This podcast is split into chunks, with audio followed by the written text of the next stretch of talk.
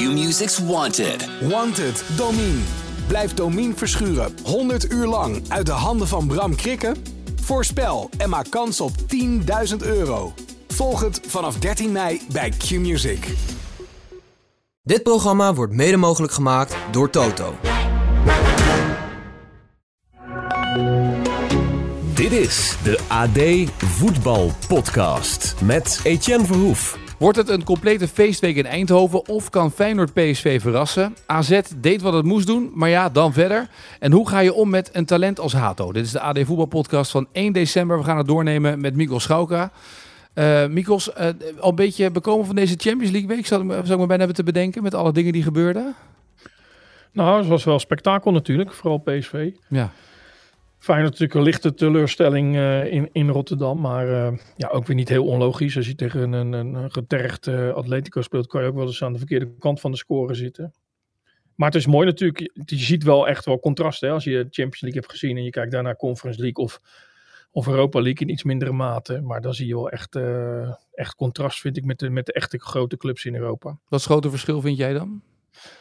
Nou, als je naar Ajax Marseille kijkt, dan zie je Marseille een goal maken en een minuut later is het gelijk. En, en uh, dan maakt Marseille weer een goal en een minuut later is het weer gelijk.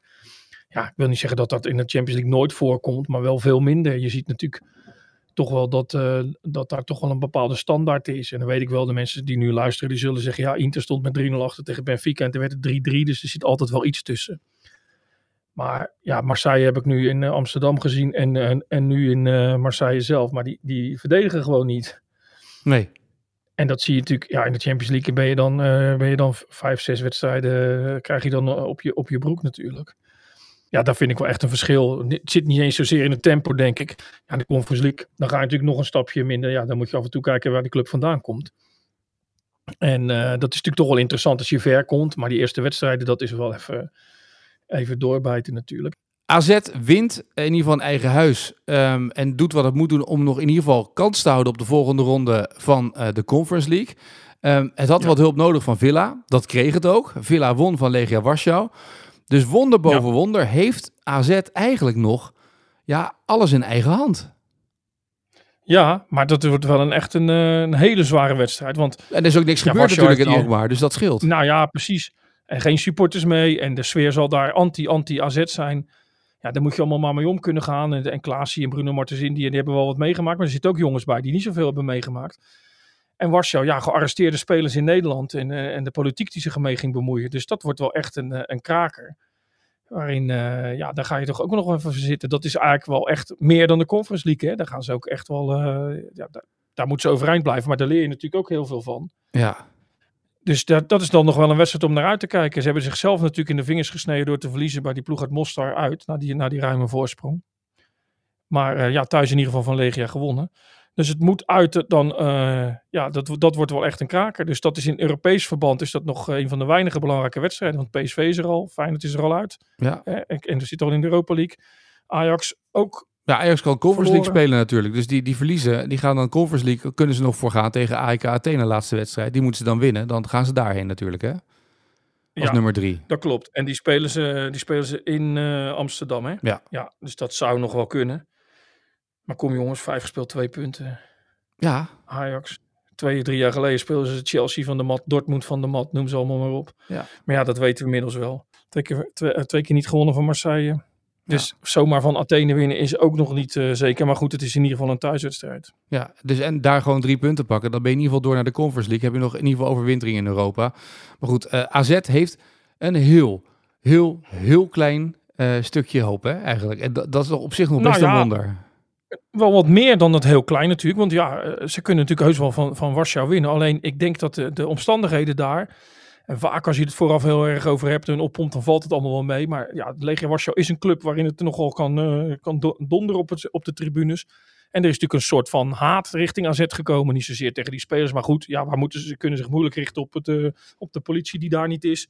Of op de, de stewards of weet ik veel wat. Dus ze gaan zich natuurlijk richten op dat, op dat uh, elftal van AZ. En die hebben natuurlijk de laatste jaren, hè, met, die, met, die, uh, met die supporters is hier en daar nog wel eens wat misgegaan. Ja, precies. Dus ik vind het heel verstandig dat ze niemand hebben meegenomen. Maar straks in het koude Warschau, want het wordt natuurlijk alleen nog maar kouder. Ja, daar moet, het, eh, daar moet het dan gebeuren tegen een ploeg die eh, denk ik echt wel met het mes tussen de tanden gaat spelen. En met het publiek wat, eh, wat er bovenop gaat zitten. Dus dat is volgens mij de wedstrijd om nog naar uit te kijken in die laatste Ja. Europa Cup week. En waar ik dan Voor benieuwd dan, naar, ja, en waar ik dan benieuwd naar ben, is, want we hebben het vaak in deze podcast gehad over het feit dat AZ vaak op het beslissende moment er niet staat. Eh, als ze de Ja. koppositie kunnen pakken in de eredivisie, als ze een gat kunnen maken, ook nu hè, als ze in een halve finale van een Conference League staan, of ze het nu dan wel kunnen. Ja, vind ik ook wel altijd een moeilijke discussie hoor. Want van AZ verwacht ook niemand dat ze landskampioen worden. Of dat ze even de finale van de Europa eh, League of de Conference League ha- halen. Dus dat wordt ze heel vaak aangerekend. Waarbij ik denk, ja, het is al heel knap dat ze zo ver zijn gekomen. Het is al heel knap dat ze in de buurt van de landstitel komen. Het is al heel knap dat ze die halve finale halen. Maar ja, goed, als zij af willen rekenen met dat stempel. Ja. Ja, dan is dit, dan is dit wel een wedstrijd. En, en het, is, het komt wel voortdurend terug. Hè. Dan komen ze bij Feyenoord uit, verliezen ze. En dan is, zie je die spelers allemaal met gebogen hoofd die vraag moeten beantwoorden. Want hoe kan het nou dat het moment suprem dat jullie er niet staan? Maar ja, wie had nou vorig jaar verwacht dat zij West Ham United even zouden uitschakelen en de finale zouden halen? Het is ook niet, het past niet bij het budget of bij de club. Dus het is knap dat ze ver zijn gekomen. En als ze dan ver komen, wordt het ze aangerekend dat ze het niet afmaken. Maar ik vind ook niet dat je dat van AZ kunt eisen. Maar dit op Conference League niveau, ja, daar hebben ze het zelf in eerste instantie laten liggen. Dus dit zou je misschien wel kunnen zien als een wedstrijd waarin het er echt om gaat. En laat het ze dan ook maar eh, een keer afmaken. Ja. Ja. En anders is die vraag misschien wel een keer gerechtvaardigd. Ehm, dat gezegd hebben, je noemt Hato. Hè? Eh, Hato heeft natuurlijk nu bij Oranje zijn debuut gemaakt. Eh, in de, de vorige Ja. competitiewedstrijd scoorde hij.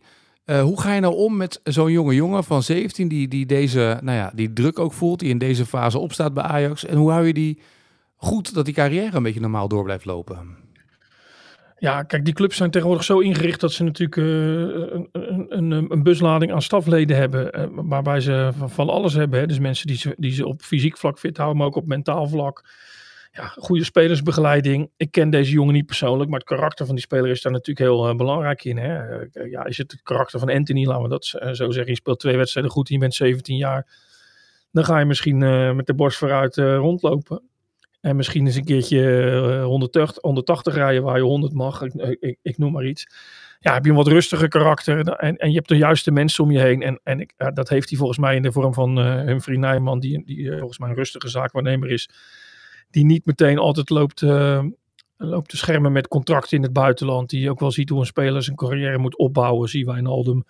Dus eh, ja, dat zijn natuurlijk belangrijke mensen die daarin, eh, die daarin een, rol kunnen spelen. En voor de rest moet hij natuurlijk gewoon zorgen dat hij, ja, hij is nu op een punt gekomen dat, dat, hij, dat, hij, moet, dat, hij, ja, dat hij dit niet allemaal weggooit. Hè? Dus ik bedoel daarmee, ja, als hij nu rare dingen gaat doen, hij zit bij een, bij een selectie die straks voor het EK in, eh, in aanmerking komt. Hij Ja. zit eh, bij Ajax, speelt hij een belangrijke rol, krijgt een nieuw contract als het, als het goed is. Dus ja, het, het loopt allemaal voortvarend. En dan moet je inderdaad eh, ja, met beide benen op de grond blijven staan. En, en daar zijn de mensen in de omgeving vaak heel belangrijk in, maar vooral ook het karakter van die speler. Maar want je hebt natuurlijk ook de voorbeelden gehad van jongens die heel snel kwamen. En, en waar het ook heel snel op een gegeven moment. dat die, die laatste, die volgende stap eigenlijk, die moet je maken. Die ergens moet je daar goed over Ja. nadenken.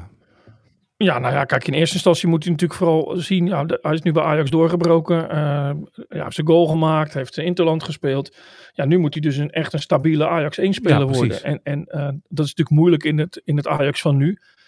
Maar hij heeft zich staande gehouden in echt de meest donkere periode van de club. Dus dat, dat gaat nu allemaal wel ietsje makkelijker. Dus dan, dan, eh, dan zou hij dat ook moeten kunnen. En ja, en, en dan is het inderdaad zaak dat je niet zoals bijvoorbeeld de jonge Kluivert... Hoewel die in alle grote competities heeft gescoord. Zes competities geloof ik Mhm. dat is natuurlijk ook wat voor te zeggen. Hè? Als je Ja. 24 bent, als je zo'n stap, zo'n stap zet. Maar ja, hij, zou, hij moet straks de grote man bij Ajax worden. Binnen nu en, en, en twee jaar. En een carrière als, als de licht eh, ontwikkelen. Hè? Die staat wel een klein beetje Timber, eh, stil, al- althans. Timber, ja, dat soort, dat soort jongens. En er komen natuurlijk ook mindere tijden. Kijk, bij jonge spelers zie je altijd wel in de Eredivisie, die komen, en zeker bij Ajax, die komen snel. Als ze het een paar keer goed doen, dan worden ze heel erg eh, gehyped. En je ziet ook dat het oranje dan snel om de hoek komt. Maar er komt straks altijd weer een mindere fase. Kijk naar Taylor, die, die het voor- zijn kiezen kreeg zelfs het uitgefloten zijn eigen publiek. Maar je ziet het ook bij jongens als in het verleden Boetius, uh. Alles om een speler heen is, eh, is goed geregeld. Dus volgens mij is het ook makkelijker om goed te blijven. Op fysiek vlak, op mentaal vlak zit natuurlijk een beetje jezelf eh, in. Maar ja, de- de- je kunt alles uit je carrière halen waar je... eh, Ik, alleen al over voeding. Robin van Persie miste wel zijn wedstrijd, want die nam een broodje garnalen op de lijnbaan. En die garnalen waren niet goed. En speelde die wedstrijd niet. Ja, dat soort dingen komen natuurlijk niet zoveel meer voor bij, de, bij deze generatie profs. Omdat ze gewoon echt, uh, ja, die worden gepamperd. Of in ieder geval heel goed voorgelicht over wat ze wel en wat ze niet moeten doen. Ja. Bij Excelsior, met jouw bekende Excelsior, zie ik bijvoorbeeld altijd als ik daar naar het toilet ga, en dan gaan de spelers ook naar het toilet, hangt er zo'n lijstje met de kleur van je urine en of je wat meer moet drinken en of je, of je goed zit of, je, of dat soort dat soort dingen zijn maar kleine dingen natuurlijk. En het is ook niet hogere wiskunde. Maar je weet gewoon dat alles gemonitord wordt. En, waar vroeger spelers eigenlijk zomaar wat deden. Uh, ja, wordt nu, wordt nu alles wel gestroomlijnd, zeg maar. En, en daar gaat hij ook zijn, uh, zijn voordeel uit trekken. Dus het Ja. gaat een grote speler worden, denk ik. Ja, maar je ziet ook al, nu al berichten verschijnen over... oh, hij gaat zoveel geld misschien wel opleveren over zoveel jaar voor Ajax... en dit gaat de volgende record aankoop worden. En dan ben je 17, denk ik altijd. Dan moet je het nog maar waarmaken. Eén grote blessure zometeen en alles kan anders zijn. In je kop moet het ook goed zitten. Dat is wel zo, maar het is natuurlijk niks, niks nieuws hè, bij Ajax. En, Nee. en vooral bij Ajax zijn natuurlijk eh, ja, busladingen 17-jarigen doorgebroken. ja. En waar het uiteindelijk wel goed mee is gekomen. Alleen ja, de vraag is natuurlijk, ben je straks geschikt voor de echte, echte top? Dan Ja. speel je bij Real Madrid, Barcelona of, of, of wordt het eh, Crystal Palace of, eh of Watford, ik, ik noem maar iets. Of, of zit, het, zit het er een beetje tussenin, wordt het Borussia Mönchengladbach? Ja, dat moet hij echt waar gaan maken. Maar dat hij natuurlijk veel potentie heeft, dat is duidelijk. En dan is het vooral zaak dat je blessurevrij blijft. En als je, ja, als je een kruisband scheurt, dan, dan, dan is het weer een heel ander verhaal. En dat, en dat zit allemaal dicht bij elkaar. Maar deze jongen heeft, eh, heeft volgens mij wel een gouden toekomst voor zich. ja. En dan zijn wedstrijden nu, of het nou Conference League is of Europa League... van essentieel belang, toch? Zoveel mogelijk dit nou, soort kijk, dat wedstrijden spelen. moment waar die strafschop uit ontstaat na zes minuten. Daar gebeurt niet of nauwelijks iets. Maar dat zal hem niet vaak meer overkomen, denk ik. Omdat hij zich, hij laat zich afsnijden. En dan heeft hij toch even kort contact. Dat is eigenlijk voldoende voor een, eh, als die scheidsrechter hem erop legt. Of voor een VAR om te zeggen, ik blijf er verder vanaf. Ja, dat had Hato ook moeten doen. Je moet er uiteindelijk net vanaf blijven. En het, het ziet er heel onschuldig uit. En die eh, Sar was het, geloof ik. Die eh voorhoede speler van Marseille. Ja, die dwingt dat af met die actie. Maar dat soort dingen, ja, hij moet zich daarmee niet meer af laten snijden. Zorgen dat het contact wegblijft. Ja, dat zijn gewoon ervaringsdingen die je één of twee keer in je carrière meemaakt. En vaker in een Europese wedstrijd dan dat je tegen Almere of Sparta of Excelsior of PEC Zwolle speelt. Ja, dat zijn dingetjes, als je dat eenmaal hebt meegemaakt, dan komt het niet meer voor. Dan leer je, dan leer je dat uh, gaandeweg, uh, gaandeweg. En dan heb je, daar heb je alleen maar profijt van later in je carrière. Dus ik vind het vooral een voordeel dat hij zo heel jong dit al meemaakt. Omdat ja, als die 17, uh, is nu 17, als die 19 is, heeft hij al zoveel leermomenten gehad. Waar een ander dan op dat moment aan gaat beginnen, dat hij ook sneller stappen weer vooruit zou kunnen maken. Ja, als je dat nou zegt, hè, en je kijkt bijvoorbeeld naar deze week Feyenoord in de Champions League en ook PSV in de Champions League.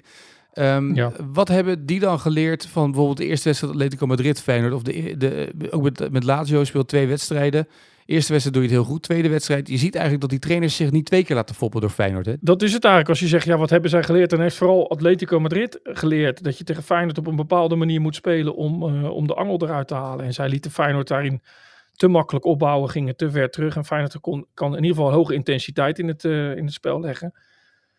Ja, en dat, dat had Atletico er goed uitgehaald. En uh, ja, als je dan Griezmann in de ploeg hebt, dan kun je altijd verder voetballen.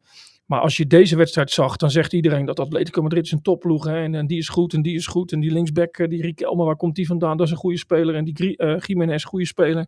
En toen we daar uh, uit waren met Feyenoord, dan, ja, toen kreeg je natuurlijk een heel ander verhaal. En toen zei iedereen, ja, Atletico is toch een beetje passé. Is ook niet net, pikt ook niet net aan bij de, bij de Spaanse top meer. Ja, uh, vorig seizoen, het was geloof ik ook vorig seizoen dat ze in de Champions League niet verder kwamen. Dus ja, ik moet het allemaal nog maar zien. Ja, dat is ook een klein beetje hoe zo'n ploeg er zelf in staat. Maar voor Feyenoord was het leerproces, zag er nu al andersom uit inderdaad. Hè. Ze waren in begin oktober beter dan nu, maar dat had ook met de aanpak van de tegenstander te maken.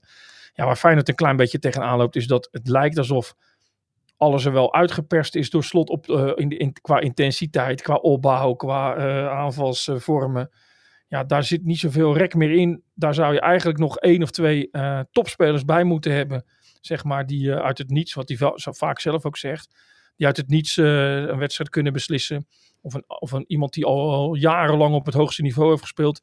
Zoals Ajax dat op een gegeven moment deed met die stap met blind terughalen en Tadic. Zoals PSV dat nu eigenlijk een beetje heeft gedaan met Lang. Je ziet het nu niet omdat hij natuurlijk niet uh, 100% fit was de laatste tijd. En Lozano, dat soort jongens. Dat ook als, je, als het een beetje op slot zit, dat die spelers het openbreken. Feyenoord ging van de week aanvallen tegen het, de geweldige verdediging van Atletico. Met uh, Minte, die speelt anderhalf jaar profvoetbal. En Pashao, die speelde drie jaar geleden nog ergens in uh, Brazilië. Had nog nooit iemand van gehoord. Is niet in de buurt van de international uh, schap.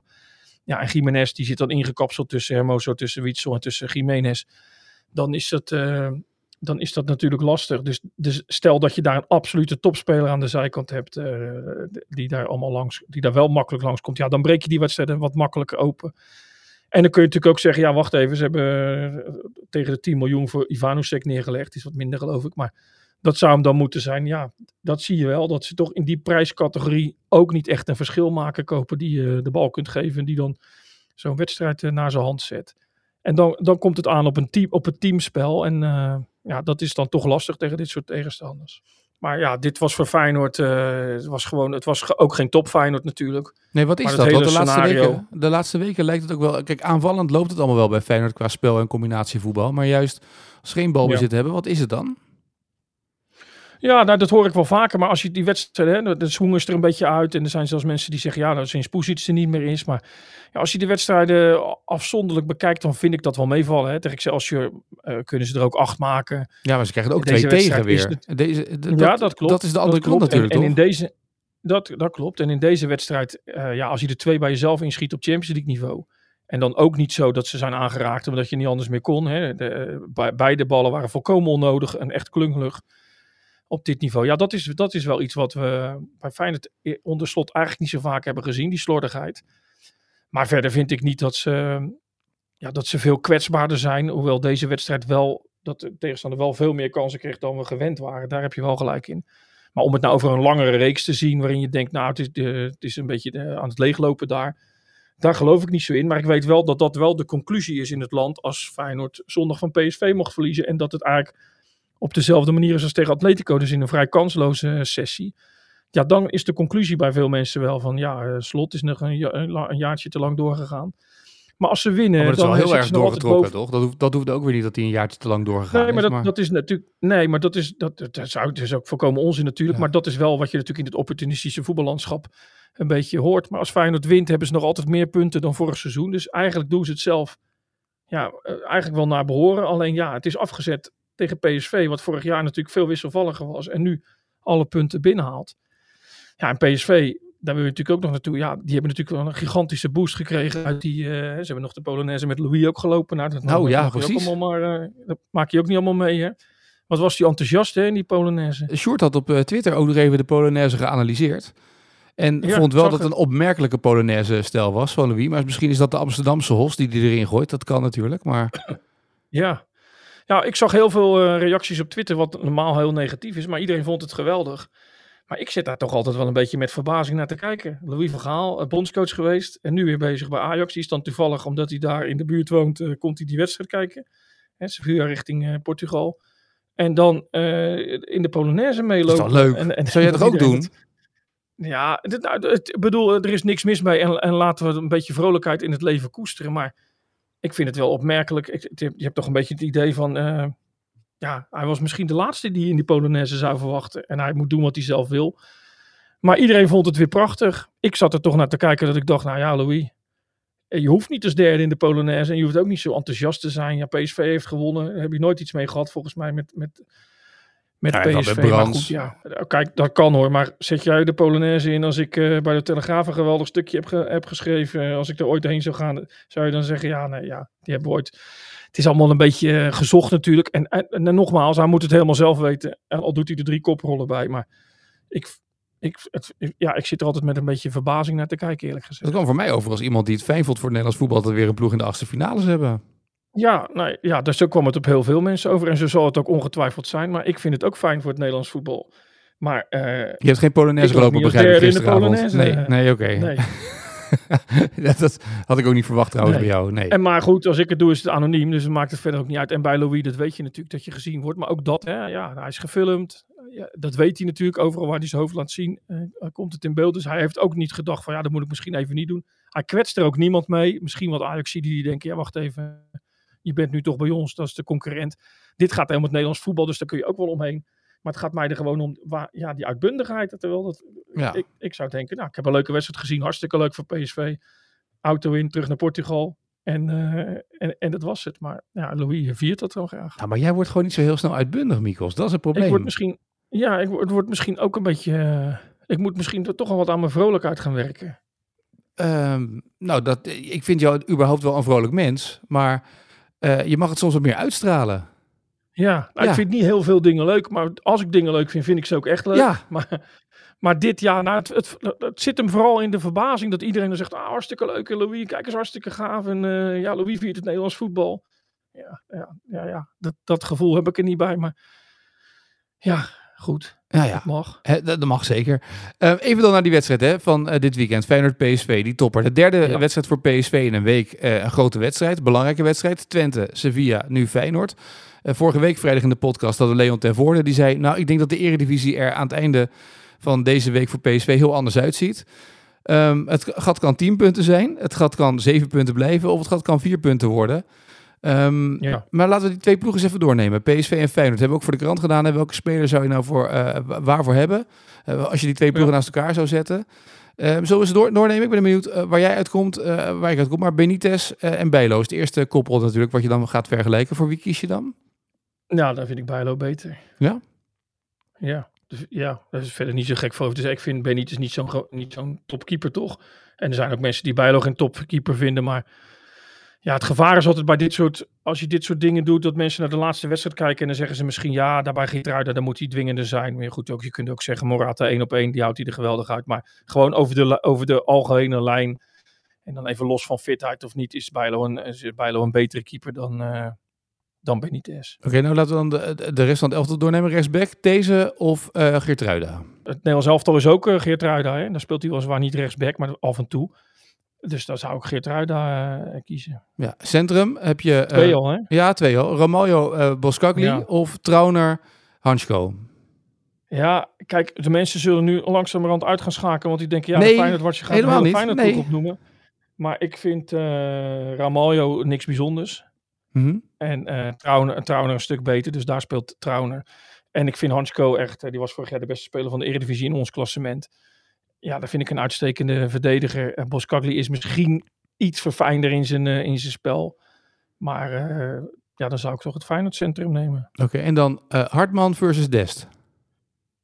Ja, dat is wel interessant, omdat Des heeft zeg maar die stap naar de grote competities gemaakt, heeft het niet echt gemaakt. Hartman gaat die stap maken. We moeten zien of dat uh, of in de toekomst of dat gaat uitpakken. Maar ik vind Hartman in zijn ontwikkeling, kijk, als je het een half jaar geleden had gevraagd, dan is, uh, had hij daar nooit in gestaan. Maar hij gaat zo snel en vooruit. Ook tegen Atletico was hij weer bij de beste spelers. Dus ook die zou ik opstellen. Dus dan heb je achterin eigenlijk het hele Feyenoord blok met vijf.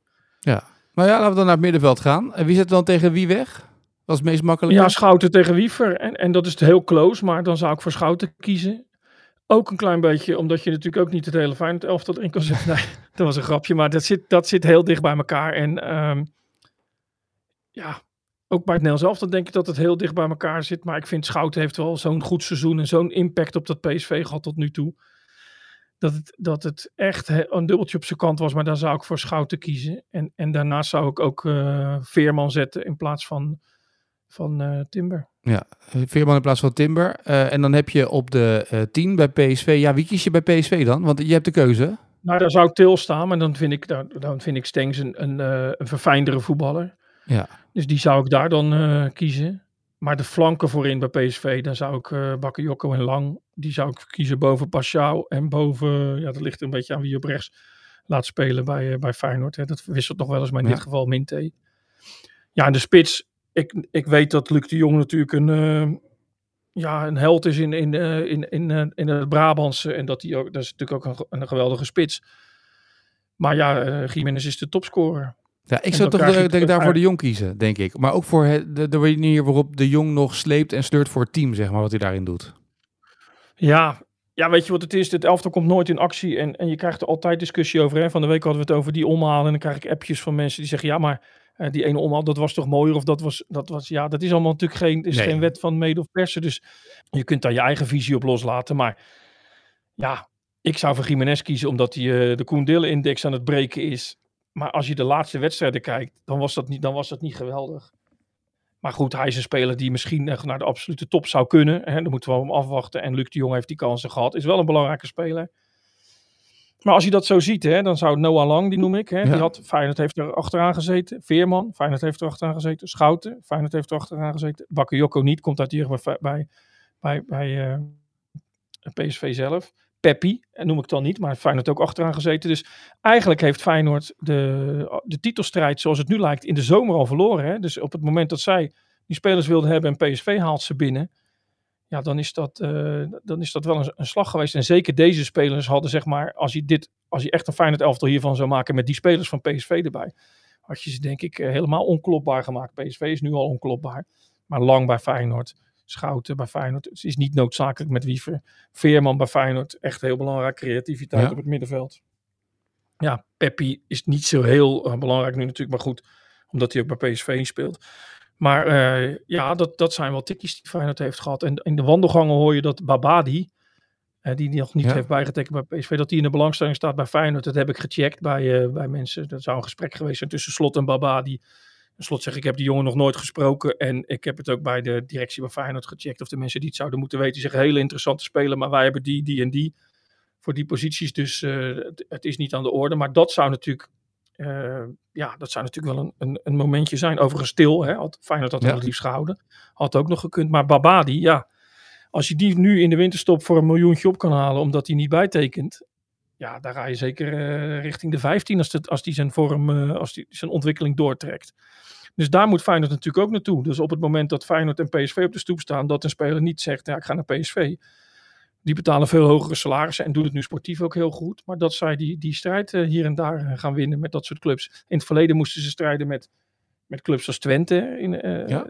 hoe lastig dat ook was. Of misschien met, met Antwerpen en dat soort teams. Ja, nu zijn ze daarin wel gestegen. Maar als ze echt de strijd aan willen gaan, dan moeten ze met Ajax en PSV in de, in, de- in, de, in de strijd. En dan zou, eh, heeft PSV daarin veel te vaak ten opzichte van Feyenoord die strijd gewonnen. Ja. Ja, noem ze maar op. Lang, Schouten, Veerman, Til, Peppi. Zijn er zo al vijf. En als je kijkt naar eh, de, de wedstrijd van komende zondag, hè, even, je bent Peter Bos. Eh, wie zet je op 10 neer dan? Wie, met wie zou je spelen tegen Feyenoord? Ja, ik zou Guus Stil neerzetten. Want je zag ook, Atletico deed dat wel, hè, dat afjagen van Feyenoord. En er kwamen een aantal lange ballen, daar heeft Feyenoord moeite mee. En dat kon aardig verdedigd worden. Dus ja, ik denk dat Til eh, zich de laatste week ook wel echt wel waar heeft gemaakt. Meer dan Tilman. En eh Babadi is toch een klein beetje uit beeld. Saibari is natuurlijk wel ja, een geweldige goal weer gemaakt. Zou ook nog kunnen. Maar in de, in de kruisgas speelde Babadi daar. Die deed het echt heel goed. Maar ik denk dat Til daarin nu wel de meest logische is. Vooral ook omdat je dat Bos wil naar voren voetballen. Ja, daar heeft hij hem ook echt wel bij nodig. Dus eh, dat, dat, dat gaat hij denk ik ook wel doen. De vraag is natuurlijk een klein beetje, ja, hoe zwaar is die wedstrijd geweest in Sevilla? Ja, die is natuurlijk zwaar geweest. Een dag minder rust dan Feyenoord. Hoe snel zijn ze hersteld? Welke problemen of pijntjes hebben die spelers overgehouden? Dat kan ik natuurlijk ook niet eh, inschatten. Maar eh, ik denk dat Til Feyenoord wel in problemen kan, kan brengen. Omdat hij dat, eh, dat afjagen natuurlijk tot in de puntjes beheerst. Ja, je kan natuurlijk na rust kan je gewoon Saibari brengen op die positie. Wat dus natuurlijk het voordeel is. Ja. En het lekkere voor Saibari is, dat is een soort van ideale man om in te vallen. Weet je, in de basis, heeft Maarten al vaker gezegd, is het eh, Ja. niet altijd gelijk goed. Maar als die invalt, dat is, dat is een hele andere Saibari dan. Ja, dat klopt. En het is best wel een kwaliteit. Hè? Er zijn spelers die kunnen niet, echt niet goed invallen. Dat klinkt gek. En als je dat tegen een leek zegt eh, van in het voetbal, als je zegt ja, in- die kunnen niet invallen, dan denken ze natuurlijk, wat, waar slaat dat op? Maar je moet zeg maar meteen in het tempo van de wedstrijd mee. Ja, je moet iets, eigenlijk iets extra's brengen, iets van, van energie. Ja, sommige spelers hebben dat wel, sommige hebben dat niet. En je zou aan zijn ehm, kwaliteiten, als je hem zo ziet, dan denk je dat zou hem niet zo heel erg moeten liggen, omdat het een flegmatieke voetballer is Ja. die ook veel de mooie oplossingen zoekt. Hij is wel heel, heel erg verbeterd sinds vorig seizoen, vind ik. Maar hij pakt het geweldig op. In dit geval moet ik wel zeggen, Peter Bos werd weer geroemd natuurlijk om zijn eh, wisselbeleid. Maar daarvan denk ik ook, ze staan 2-0 achter. Hè, ze werden weggespeeld, dus het stond in eerste instantie niet goed. Dan komen ze tegen 10 man te staan. Want jij begon net over de week van PSV, maar Ja. ze hebben tegen 10 man gespeeld in Enschede. Ze Ja, hebben nu ik- tegen 10 man gespeeld in Sevilla. Dat ik scheelt wist dat dit natuurlijk zou gebeuren, zeg maar. Dat, dit- maar dit is, de andere Ja. kant is, je moet hem nog wel pakken natuurlijk, een 2-0 achterstand. Hè? Tuurlijk. Nee, ja, maar, daar, daar, nee, maar het is niet om het even weg, Nee. weg te wissen. Maar het is natuurlijk wel in het voordeel van, twee keer in het voordeel van PSV geweest. Dat scenario zeker Ja. in Eindhoven of in eh, Enschede. Maar dan ga je dus, dan sta je 2-0 achter en dan ga je aanvallend wisselen. En dan gaan wij als media roepen, die Peter Bos, die kan goed wisselen. En die ah, aanvallende wissels. Ja, wat dacht je dan? Dat hij met 2-0 achter eh, met tegen 10 man een verdediging ging brengen. Natuurlijk gaat hij zo wisselen. Ik denk dat Dick Lukien ook zo had gewisseld. of Ron Jans of... eh, Maar Dick Dus Lukien is niet. Oh, wel- dat is niet waar. Want Dick Lukien had Kevin van Veen meegenomen bij Groningen... terwijl zijn vrouw hoogzwanger was. Maar hij moest Ja. mee en heeft 90 minuten op de bank gezeten. Dus Dick Lukien heeft hem niet Nou, gewisseld. nou, Dick Lukien dan niet, maar eh, ja, laten we dan zeggen, pff, ja, weet ik veel. Iedere andere trainer. Ja. Jean-Paul van Gastel. Die had hem ook zo gewisseld. Dus het is ook wel een klein beetje des Nederlands. Bos wint al zijn wedstrijden en dan gaan we, dan gaan we zoeken, zoeken naar wat hij allemaal wel, eh, niet, niet, wat hij allemaal wel niet goed doet. En dat hebben we ook bij slot gedaan hoor. Je zoekt Ja. naar allerlei dingetjes waarvan je denkt, wat verklaart nou het succes? Maar soms is het ook gewoon heel logisch. Je staat 2-0 achter, je speelt tegen 10 man, je hebt daar niks meer te verliezen. Dan wissel je aanvallend. En laatst had hij natuurlijk tegen Ajax ook eh, hè, dat scenario. Ja. Werd hij ook geroemd om zijn wissels. Maar ook dat was natuurlijk, ja. eh, ze begonnen heel slecht. Dus hij heeft het vervolgens om moeten zetten om dat te repareren. Dus dan kun je voor twee benaderingen eh, kiezen. Je kunt zeggen, ja, waarom ben je niet zo begonnen en je repareert je eigen fouten. Ja. Ja, of je zegt, eh, ja, je laat een wedstrijd kantelen omdat je gewoon goed kan wisselen. Het zal wel een beetje in het midden liggen, toch? Ja, en de, de vraag is ook een beetje, ga je als slot zijn nu beginnen met toch eh Seruki op het middenveld om het een beetje te verstevigen? Of ga je toch weer aanvallend kiezen? Dat vind ik wel een goeie, omdat er was wel wat kritiek op het feit dat Seruki niet speelde hè, en dat Mhm. Griezmann zoveel ruimte kreeg. Tegen PSV zou dat ook wel kunnen, inderdaad. Uh, Seruki heeft volgens mij wel in die kruisschaal gespeeld. Ik kan me ook voorstellen, Minter werd op tijd gewisseld dat je die snelheid wil houden. Zeker, eh, zeker eh, op de flanken tegen Dest. Dus eh, dan zou Stenks er op het middenveld moeten spelen. En dan moet je gaan kiezen. Ja. Dus de, de keuze is eigenlijk Seruki en dan Stenks in de voorhoede. Mhm. Of wil je de snelheid van Minte hebben? Want daar kwam het eigenlijk op neer. Hè? Het, het was niet Ja. zo, ging niet zozeer om Zerouki. Het ging om die snelheid van Minte die ze in de ploeg wilden hebben. Wat ook nog zou kunnen in theorie. Kijk, Pashao was natuurlijk niet echt goed. Dus eh, het zou ook nog kunnen dat hij daarvoor eh Minte en Stenks brengt. Dat hij Minte vanaf links laat spelen. Dat zou een optie kunnen zijn. Ja, of Ivanusek, wat natuurlijk ook wel een verhaal aan het worden is. Ja.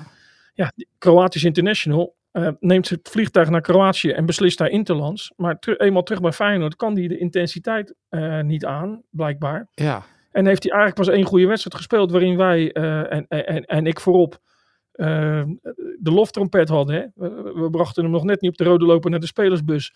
Wat een geweldige aankoop. Maar daarna is het toch een stuk minder geweest. Blessures gehad. Ja. Ja, hij pikt nog niet aan. Dus het lijkt erop alsof hij na de winterstop, als hij in de winterstop een beetje eh, die, die voorbereiding weer mee kan doen met trainen, dat hij er dan pas is. Maar voor dat bedrag had Feyenoord natuurlijk wel iets meer kunnen verwachten tot op heden. Ja, dat is waar. Goed, daar, mag eh, Slot zich over buigen. Eens kijken wat hij gaat doen eh, dit weekend. Belooft in ieder geval wel een mooie wedstrijd te worden.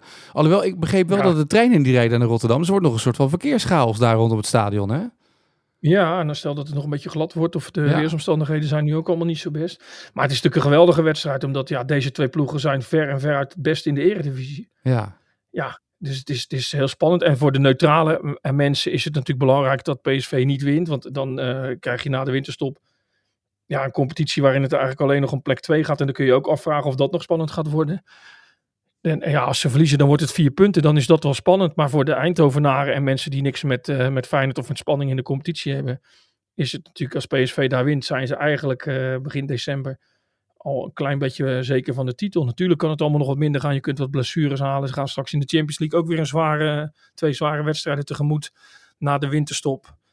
Maar toch, ja, je kunt je ook afvragen, die, die wedstrijden na de Champions League, normaal gesproken blijft dat bij één eh, ronde. Hè? Ja. Dat ligt een beetje aan wat je loopt natuurlijk. Feyenoord gaat de Europa League in. Dat zou best wel wat langer kunnen zijn dan één ronde qua niveau.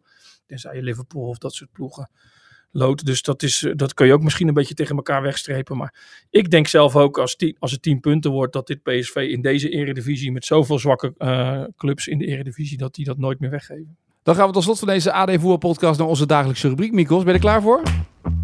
Ik ben er klaar voor. De vraag van vandaag. Dit is de vraag die je gisteren eh, van Maarten onder andere gesteld kreeg aan onze luisteraars.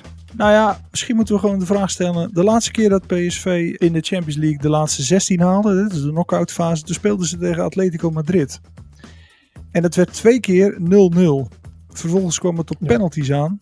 En ehm, ja, welke PSV'er miste de beslissende, of miste de strafschop waardoor, eh, waardoor het eigenlijk einde oefening was?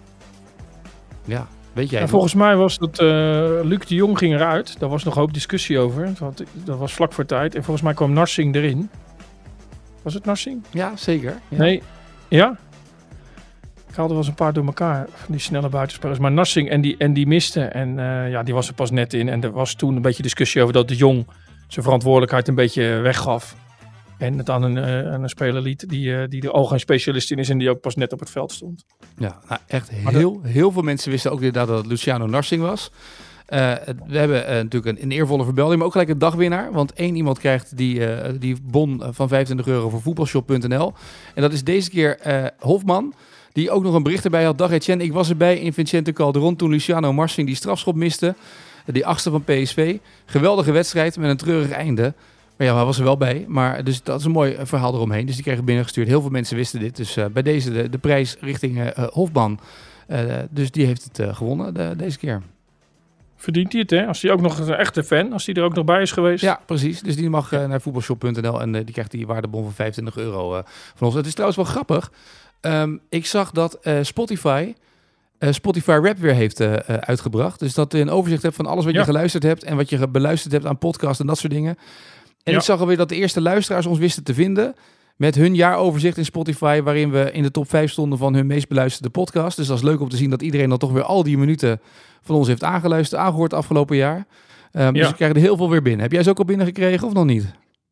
Nou, af en toe dat het mensen naar me toe komen en dan zeggen... neem je vanavond nog een podcast op of staat die er alweer op? Ja, En dat vind ik toch altijd verbazend, want ehm, ja, we proberen hier natuurlijk wel eh, bloedserieus te zijn. Ik misschien wat minder dan de rest, maar, maar in die zin denk ja, je zit eigenlijk over... Het is een beetje alsof je aan de bar zit, hè. Het is wel een, goed concept ook op tv, maar je praat even een half uurtje over de actualiteit in het voetbal. Maar het is ook vaak maar een mening, hè. Ik geef net een elftal, ja, je kan net zo goed elf andere spelers neerzetten. Maar blijkbaar vinden mensen dat toch wel aardig. En, en bij, bij stukken krijg je toch vaak geïrriteerde reacties, hè. Ja, maar dit of dat, of eh je Feyenoord hater of Feyenoord eh, lover of fanboy, noem alles maar op. Bij dit soort eh, dingen krijg ik dat veel en veel minder. Ja. Misschien ben ik het niet uitgesproken genoeg, maar mensen vinden dat blijkbaar toch wel een aardig eh, concept. Of Ja. jij stuurt het goed. Ik zal jou ook eens een compliment nou, geven. joh, doe, hou- maar het is, het is vooral mooi te zien hoe we dit allemaal, hoe dit allemaal. Maar ik vind het vooral leuk dat al die minuten nu voorbij komen van, eh, van Spotify, dat al die Ja. mensen doorsturen. Dus als je hem ziet dit weekend in je Spotify-app en je ziet je rap staan en we staan ertussen met de AD Voetbal Podcast, deel het even. Ja, dan komen ze in aanmerking voor die bon. Ik mag niet zeggen van wie toch, of wel? Nee, dat is niet zozeer voor de bond, maar gewoon leuk dat we het delen met z'n allen vooral. Want ik was toevallig ja. de afgelopen dagen bij een paar DPG-redacties. En ook daar luisteren mensen door het hele land dus ook naar de voetbalpodcast. Een groot aantal mensen die even zeggen, wie heb je vanavond in de podcast zitten of wie heb je morgen? Dus eh, Ja. nou ja, dat is wel weer leuk om te zien dat ook collega's vaak meeleven. En zijn ze teleurgesteld? Hoe bedoel je? Als ik er zit, nou, ik heb Nee. wel eens, mensen klagen, klagen wel eens een beetje dat zeg maar de Feyenoord Watcher de Ajax, de Ajax wedstrijd moet eh, eh, duiden of de Ajax Watcher moet de Feyenoord wedstrijd duiden. Maar ik wil het, ja, misschien moet jij het een keer uitleggen, maar dat heeft natuurlijk ook met de ja, eh, Nou, jullie werk te maken. maken. Ja, kijk, als jij natuurlijk in een wedstrijd, als jij in een stadion zit en jij doet nog eh, Ja. verhalen maken en dat soort dingen, en je hebt je deadline voor de krant. Dus bijvoorbeeld Johan zit nu in Marseille.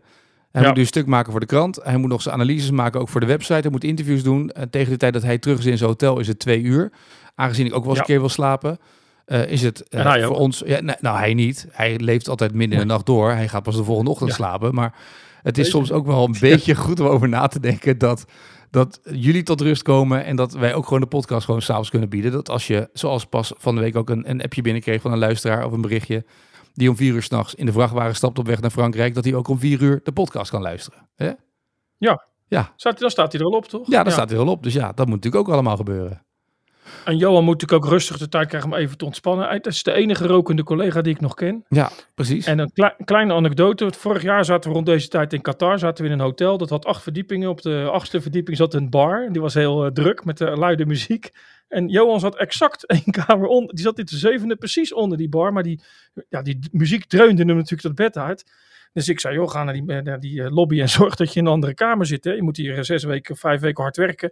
Maar dat was precies een rookkamer. Dus Johan zegt, nee, nee, die kamer laat ik me niet ontnemen. Er zijn niet zoveel rookkamers hier. Dus Johan, die nam het op de koop toe dat ze hem daar elke nacht tot één uur eh, met, met, met dreunende beats door zijn kamer heen, eh heen, heen duwde. Want ondertussen kon hij lekker zijn sigaretje opsteken. Nou ja, ieder, wel- ieder wat wil ze. Niet wat wil. Nou, tot slot dan de huiskamervraag Ja. van vandaag voor, deze, voor dit weekend, waar we een heel weekend over na kunnen denken voor jou.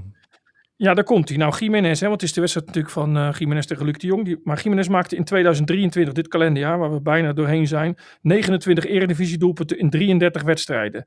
In deze eeuw waren er drie spelers die de 30 in een kalenderjaar ook bereikten. Drie spelers die dus 30 goals maakten in een kalenderjaar. In de eredivisie. In deze, in deze eeuw, ja, in de eredivisie. Dus alleen deze eeuw, alleen de eredivisie en minimaal 30 goals. Wie waren dat?